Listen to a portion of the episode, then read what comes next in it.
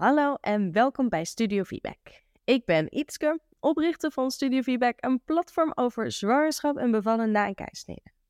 In deze podcast deel ik mijn eigen ervaringen, mijn kennis als doula, maar ook inspirerende ervaringsverhalen en informatieve expert-interviews met doel om positieve bijdrage te leveren als aan jouw persoonlijke feedback journey. Met als doel een positieve bijdrage te leveren aan jouw persoonlijke feedback journey. Het is alweer een tijdje geleden dat ik een nieuwe podcastaflevering heb opgenomen. En dat heeft een hele goede reden. Want ik ben ontzettend druk geweest met online zetten van mijn feedback zwangerschapscursus. Het was een hele bevalling. En zoals vaker heb ik de tijdsinvestering die nodig was om alles daar echt op het niveau te krijgen dat ik wilde, flink onderschat. Maar het is gelukt. De cursus bestaat uit acht modules, vol tekst en video's die je je eigen tempo kan doornemen. Het gaat over onderzoek en statistieken van zowel de feedback als de geplande of ongeplande keizersnede, maar ook over het verwerken van je eerdere bevalervaring, de keuzes die je hebt en ook hoe je keuzes maakt die het beste bij jou passen. En uiteindelijk vooral over hoe jij je het beste kan voorbereiden op de geboorte van je kindje.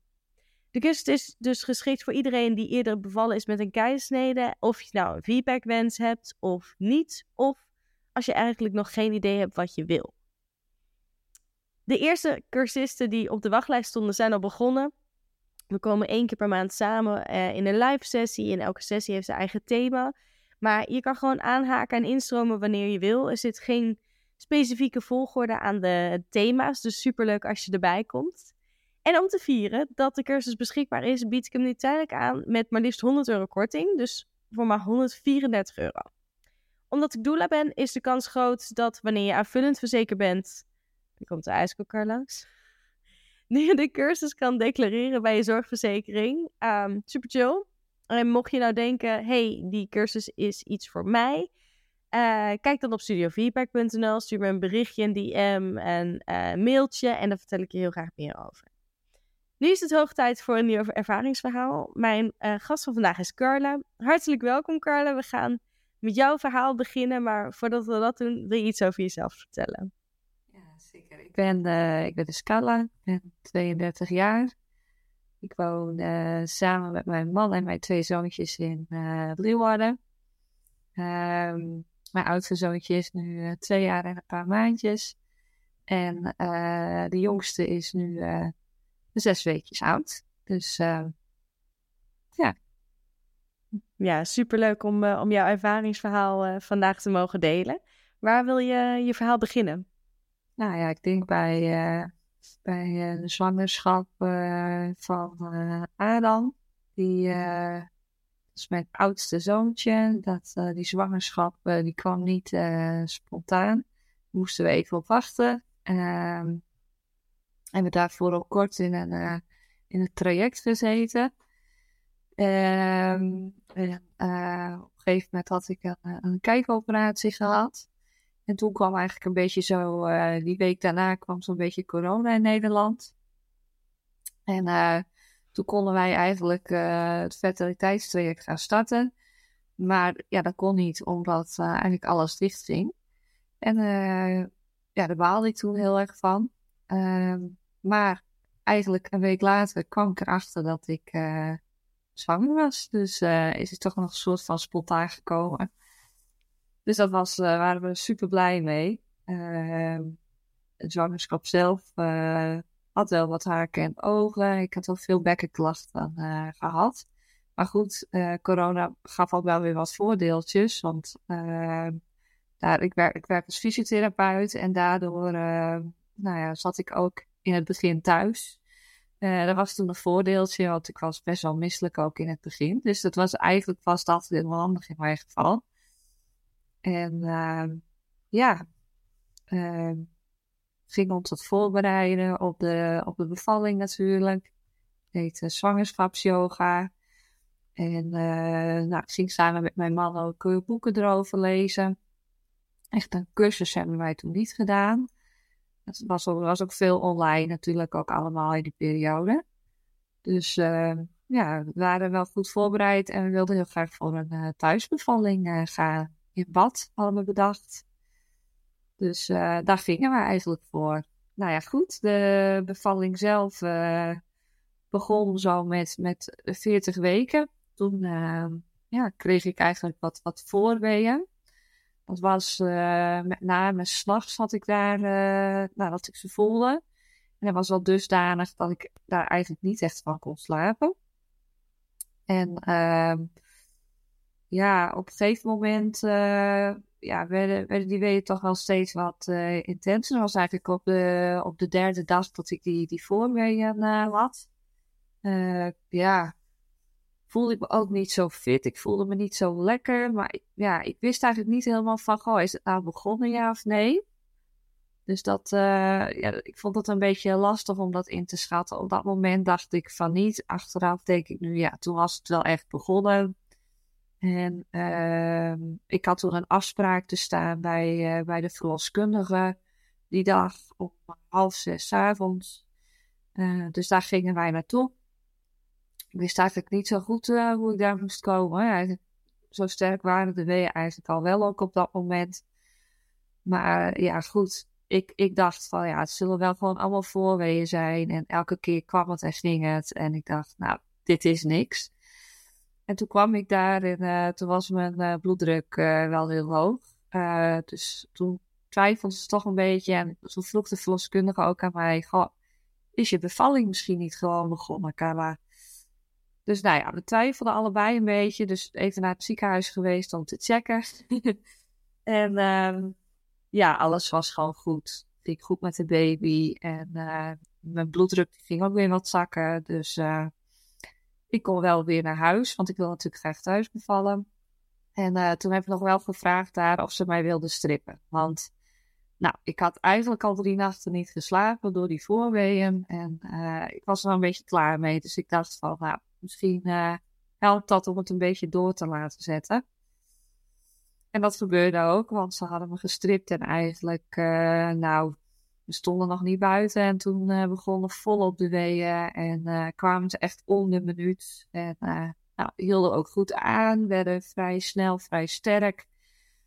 Dus ja, onderweg naar huis alweer thuis ging dat eigenlijk gewoon door. En ja, toen we thuis kwamen ben ik een beetje onder de douche gegaan. En na een uurtje hebben we de verloskundige gebeld.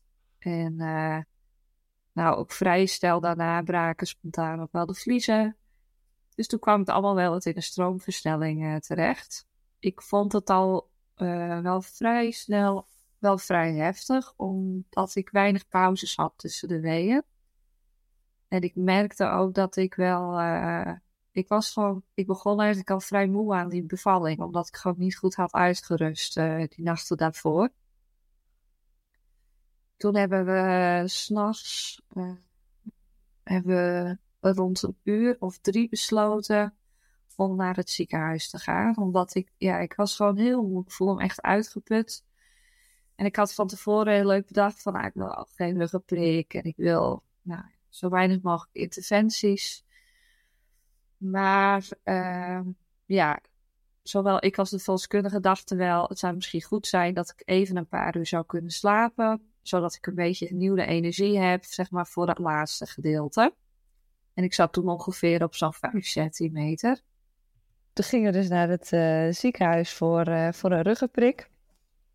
En uh, dat kon eigenlijk vrij snel toen we daar kwamen. het ehm, idee was dan dat ik even nou, tijdens die ruggenprik een beetje zou kunnen slapen. En uh, weer een beetje een nieuwe kracht zal kunnen vinden voor het laatste stuk van de bevalling. En uh, nou, de anesthesist die vertelde mij ook over de risico's nog. En ik dacht, zet maar gewoon die, uh, die prik. Ik wil al, nu wel van die pijn af. En uh, nou, dat gebeurde. En toen voelde ik eigenlijk gelijk dat ik uh, warme voeten kreeg. Dus dat zei ik ook van, hé, hey, ik krijg warme voeten. Uh, waarop ze eigenlijk gelijk wel reageerden van, oeh, dat is eigenlijk niet de bedoeling. Um, hè, de prik die was, was iets te diep gezet. Uh, gevoel, dus de, de, de pijn van de weeën niet meer voelde, maar waardoor ik ook de motoriek kwijtraakte, dus niet meer kon bewegen.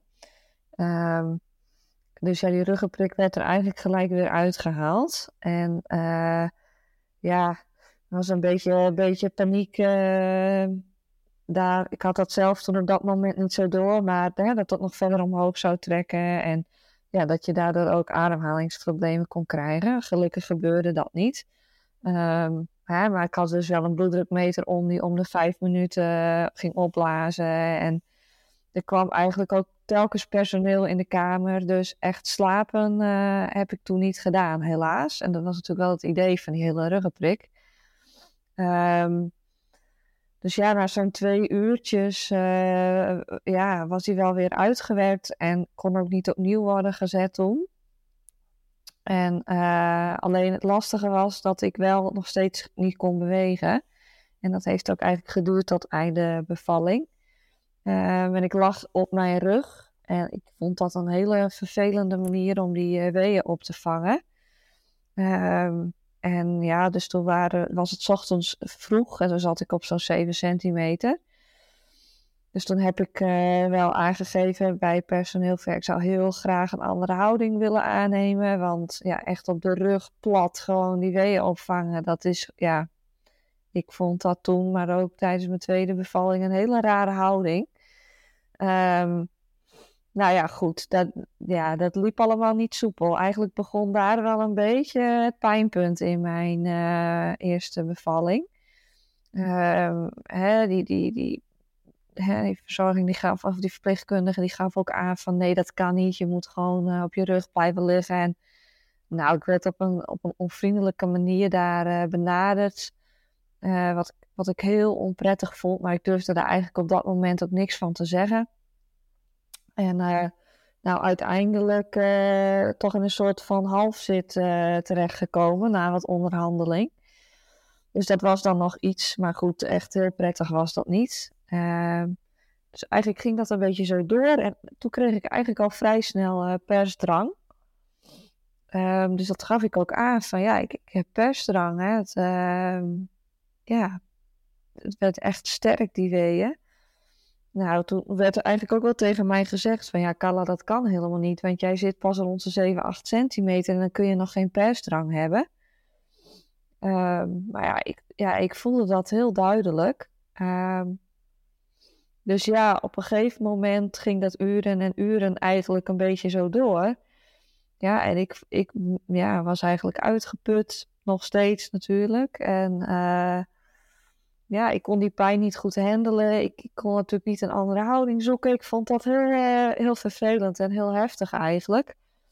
Um, dus op een gegeven moment uh, kwam de gynaecoloog er ook bij. En nou, die gaf eigenlijk aan van oké, je hebt gewoon heel veel pijn. Die ging me eigenlijk een beetje staan observeren in een hoekje. Wat ik eigenlijk helemaal niet zo prettig vond. Want ik had liever gehad dat hij gewoon met mij had gepraat. Maar die ging echt mij een beetje staan observeren. Zo van, nou, eens even kijken wat hier allemaal gebeurt. En uh, ja, die zei gewoon, jij hebt heel veel pijn en daar moeten we maar iets aan doen. En uh, ja, toen hebben ze mij nog een uh, petadine-injectie gegeven.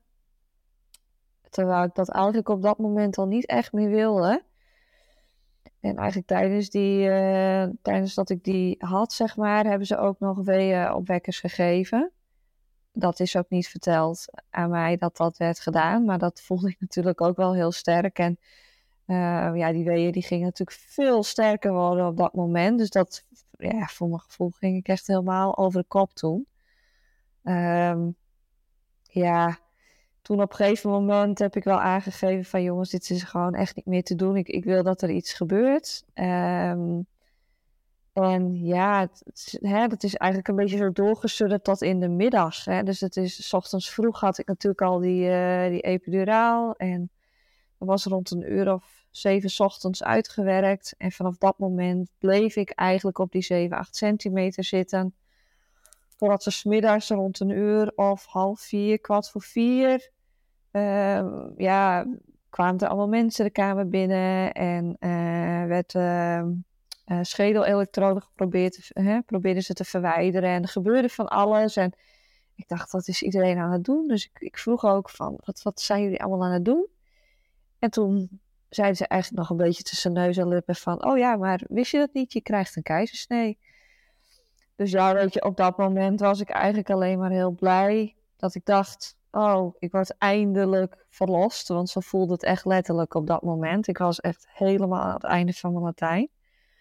Maar ehm, ja, achteraf gezien uh, was dat natuurlijk niet, uh, niet positief. Ik ben eigenlijk vanaf het gedeelte na die epiduraal ben ik gewoon best wel de regie uh, verloren voor mijn gevoel. Dus er was, was geen, geen positieve ervaring, die, die uren in het ziekenhuis. En ehm, ja, toen ging het eigenlijk ook heel snel. En toen is Adam ook heel snel gekomen. Dus via een, een spoedkeizersnee.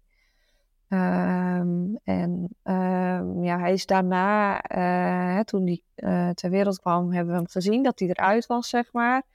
Uh, moest hij even naar de kinderarts. En toen heeft mijn man hem bij zich gekregen.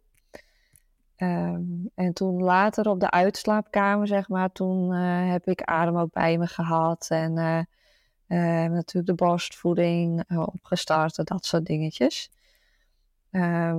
Maar goed, achteraf bekeken, nou ja, miste ik wel een heleboel dingen. Zeker ook uh, na de geboorte.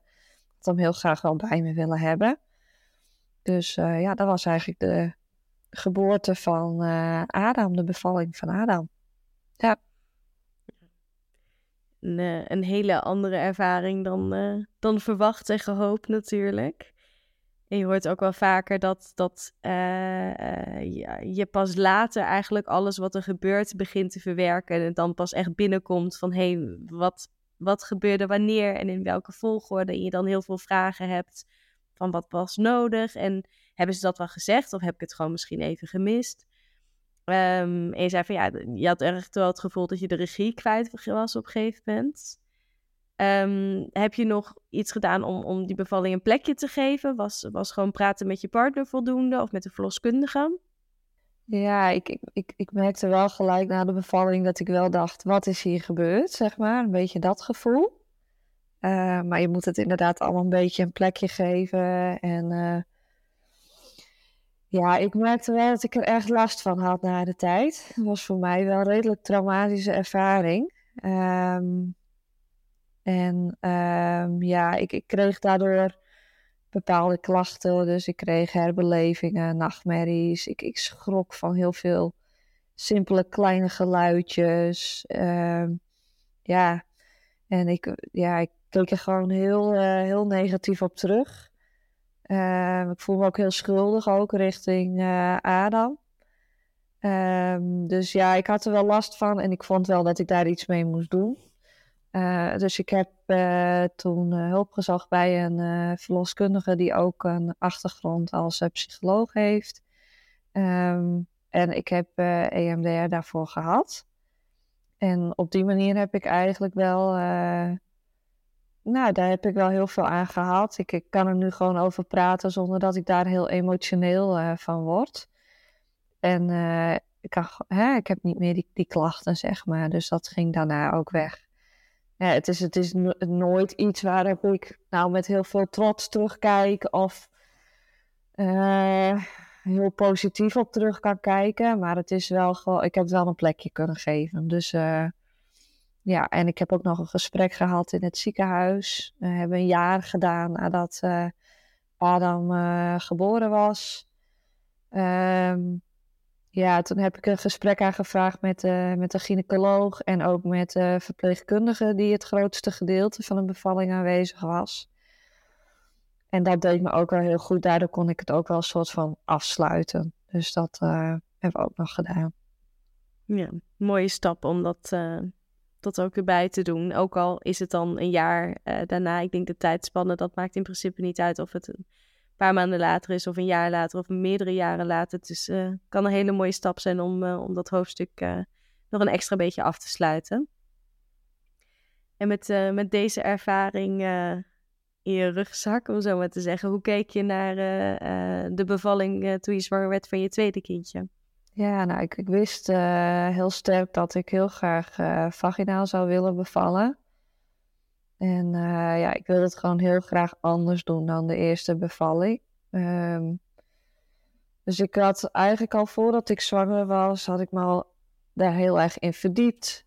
Dus hoe kan het nou dat je daar zo negatief op terugkijkt? Wat is nou belangrijk daarin. Dus onder andere natuurlijk de communicatie en toch het gevoel van regie hebben en je gehoord en gezien voelen en je als mens behandeld voelen.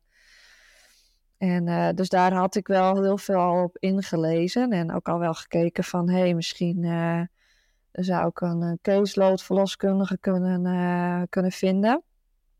Ehm, en tijdens de zwangerschap zelf ehm, ja, heb ik me ook wel heel erg verdiept. Hè? Dus in de feedback en nou ja, wat daar eigenlijk allemaal mee speelt. Dus onder andere ook de, de podcast uh, geluisterde ervaringen, maar ook heel veel dingen op internet opgezocht. Uh, onder andere van uh, bijvoorbeeld Vraag de Vroedvrouw en uh, Bevallen als een baas. ik heb gewoon heel veel dingen eigenlijk geprobeerd op te zoeken en boeken gelezen, gekeken van hé, hey, wat kan ik nou doen om nou, dit heel anders te laten verlopen.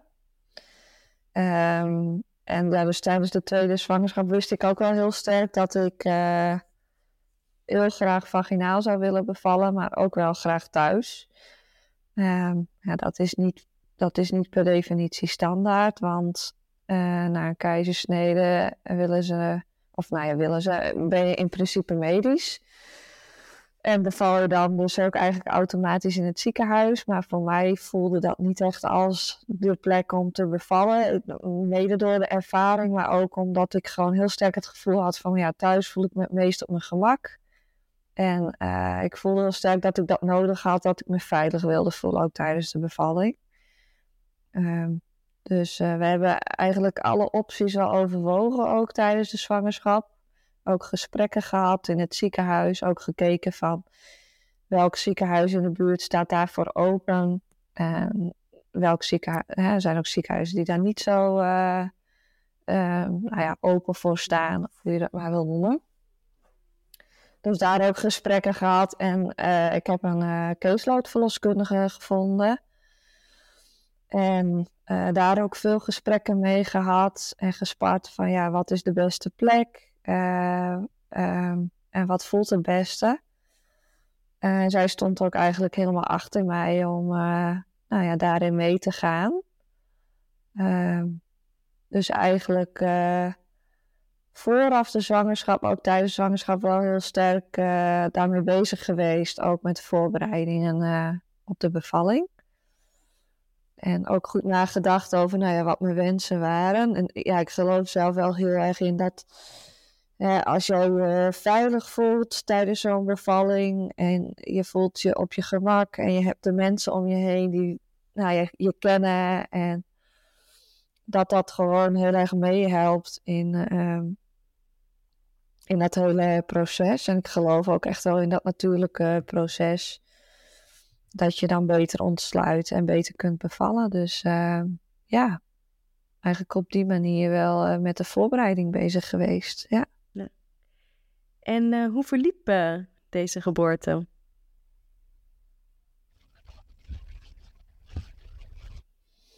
Ja, dat was heel anders dan de eerste dan de eerste bevalling. Het kondigen ze zich ook anders aan. We moesten best wel even geduld hebben. Uh, want ja, met 41,6 uh, s'nachts begonnen de weeën. Daar was ik heel blij om. Want ehm, ja, met die 42 weken ga je toch ook nadenken over inluiden, dat soort dingen. Um, en uh, we hadden bedacht dat met uh, eh, 41 weken en 6 dagen die dag zou ik naar de verloskundige. En dan hadden we wel gezegd: oké, als er dan nog niks is begonnen, dan gaan we toch kijken of we kunnen strippen.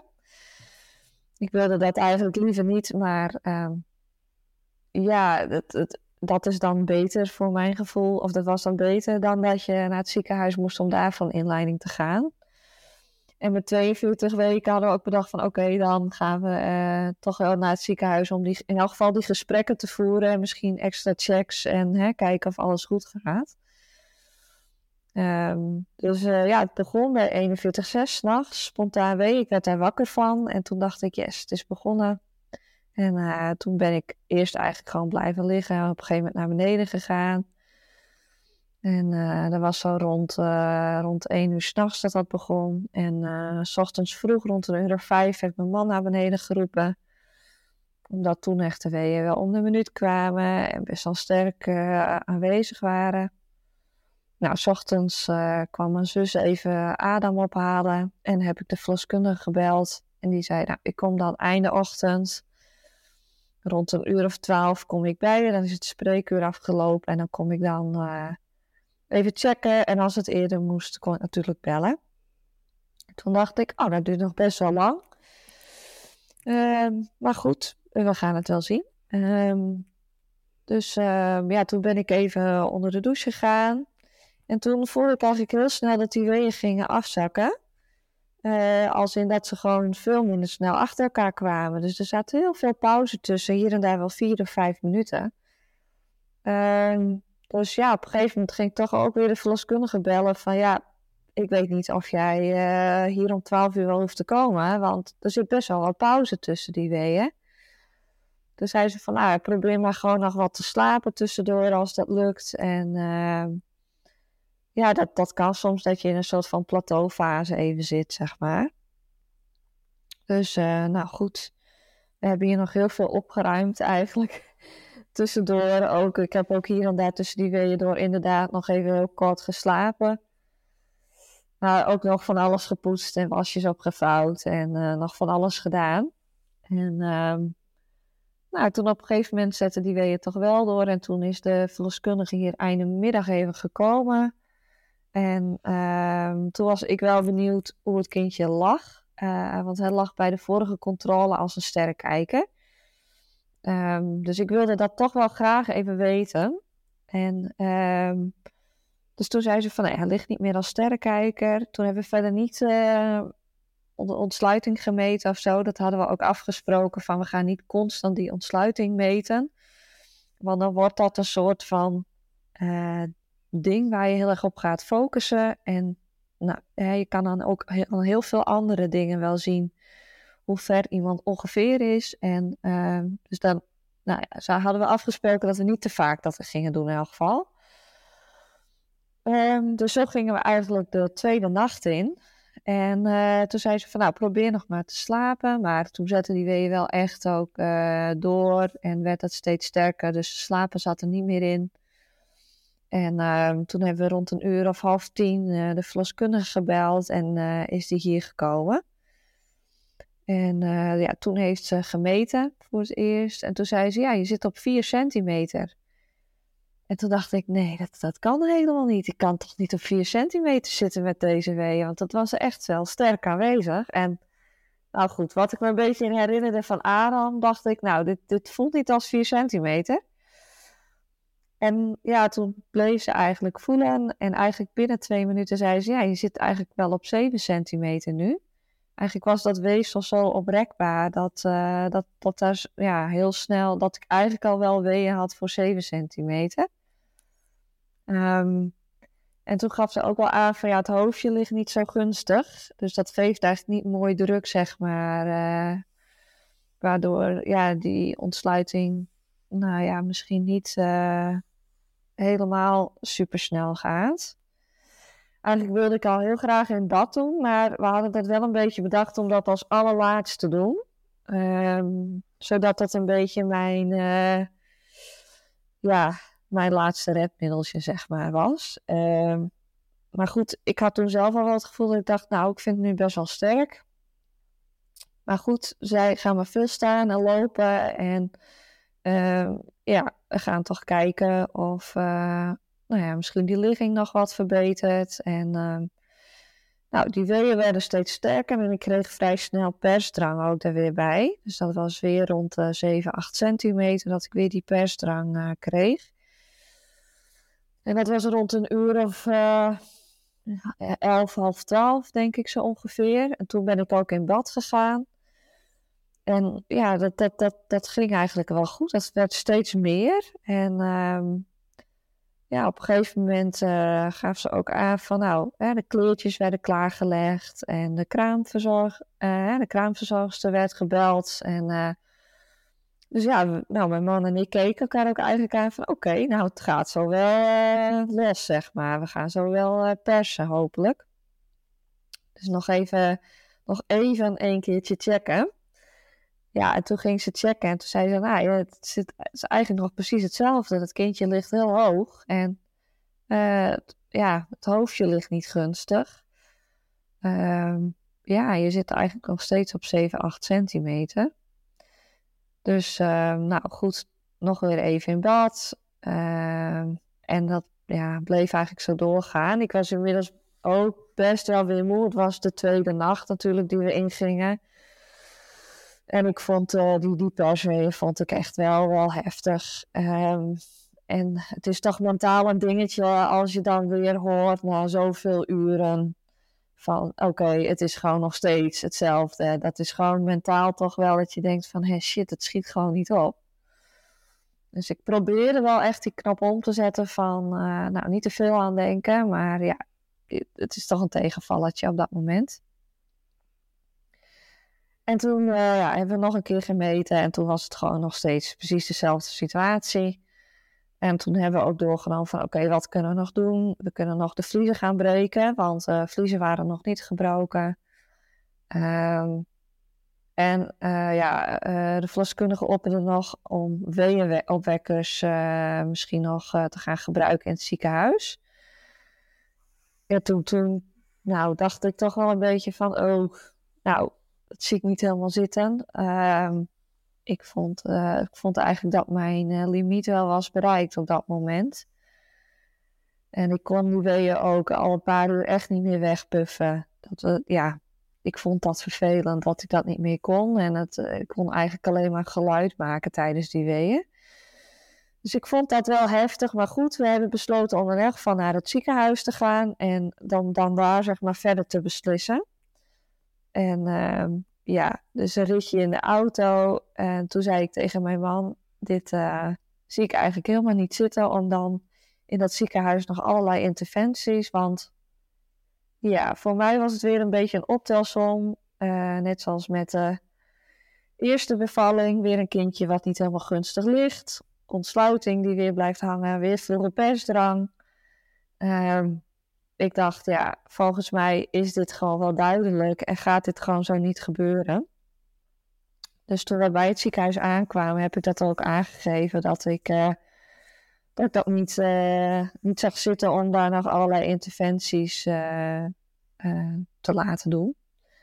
En dat werd eigenlijk ook wel gelijk gerespecteerd. De gynaecoloog is toen erbij gehaald en toen heb ik uitgelegd hoe het allemaal in elkaar zat. En ja, ze zeiden eigenlijk gelijk van oké, dat is goed. En ze hadden ook mijn dossier gelezen. We hadden daar gesprekken gevoerd. Dus ze vroegen ook eigenlijk gelijk van... Uh, ja, heb jij nog wensen? Uh, dingen die je graag zou willen? Dus toen hebben we ook aangegeven dat we heel graag wel gelijk huis op huis wilden. Of dat ik in elk geval hè, het kindje heel graag huis op huis wilde. En dat ik ook heel graag de geboorte wilde zien. En uh, dus dat was allemaal mogelijk. Dus dat was, dat was super fijn. Dus dat kwam heel anders uh, binnen eigenlijk dan, uh, dan de vorige keer. En uh, ja, dat ging eigenlijk allemaal heel soepel. We hebben de geboorte ook heel mooi gezien. En Owen is s ochtends vroeg om rond kwart over zes geboren. En ja, ik kon hem ook gelijk bij me hebben. En, dus dat was heel fijn. Ehm, na de, na de keizersnede had ik hem toen bij me. En toen, toen daalde wel mijn bloeddruk een beetje. Dus toen heeft wel uh, Markian hem lekker ook bij zich kunnen nemen. Dus dat was eigenlijk een, ja, een heel ander uh, verloop dan, dan die eerste bevalling. En eigenlijk was ik gelijk helemaal... Uh, ja, ik was er gewoon helemaal ehm, goed mee. Het was gelijk goed dat ik dacht, ja, dit is gewoon hoe het is gegaan. Ik heb gewoon thuisbevalling gehad. Ik heb een 30 uur de kans gegeven om het uh, te laten komen. En uh, met mensen die goed voor me waren. Ik voelde me goed. Maar het is gewoon blijkbaar zo bepaald dat dat niet, niet via die weg bij mij komt. En dus ik, nee, ik was er gewoon helemaal tevreden mee en helemaal goed. Dus ehm, ja, eigenlijk was een hele positieve ervaring met, met allen. Ja. Ja, ik vind het zo, zo bijzonder om te horen hoe verschillend die twee ervaringen waren. En ik kreeg best wel veel vragen uh, dan van, ja, maar wat als nou weer, wat als, ik ga me voorbereiden op een feedback, maar wat als nou weer een keizersnede wordt? En dat wordt soms dan in iemands hoofd, en dat was bij mijzelf ook een tijdje in mijn hoofd, een best wel groot ding. Van, oh, dat, dat is dan iets heel negatiefs. Maar ik vind zo mooi hoe het in jouw eh, verhaal naar voren komt. Dat ook is totaal niet volgens je wens. En had je waarschijnlijk het liefst natuurlijk die badbevalling thuis gehad.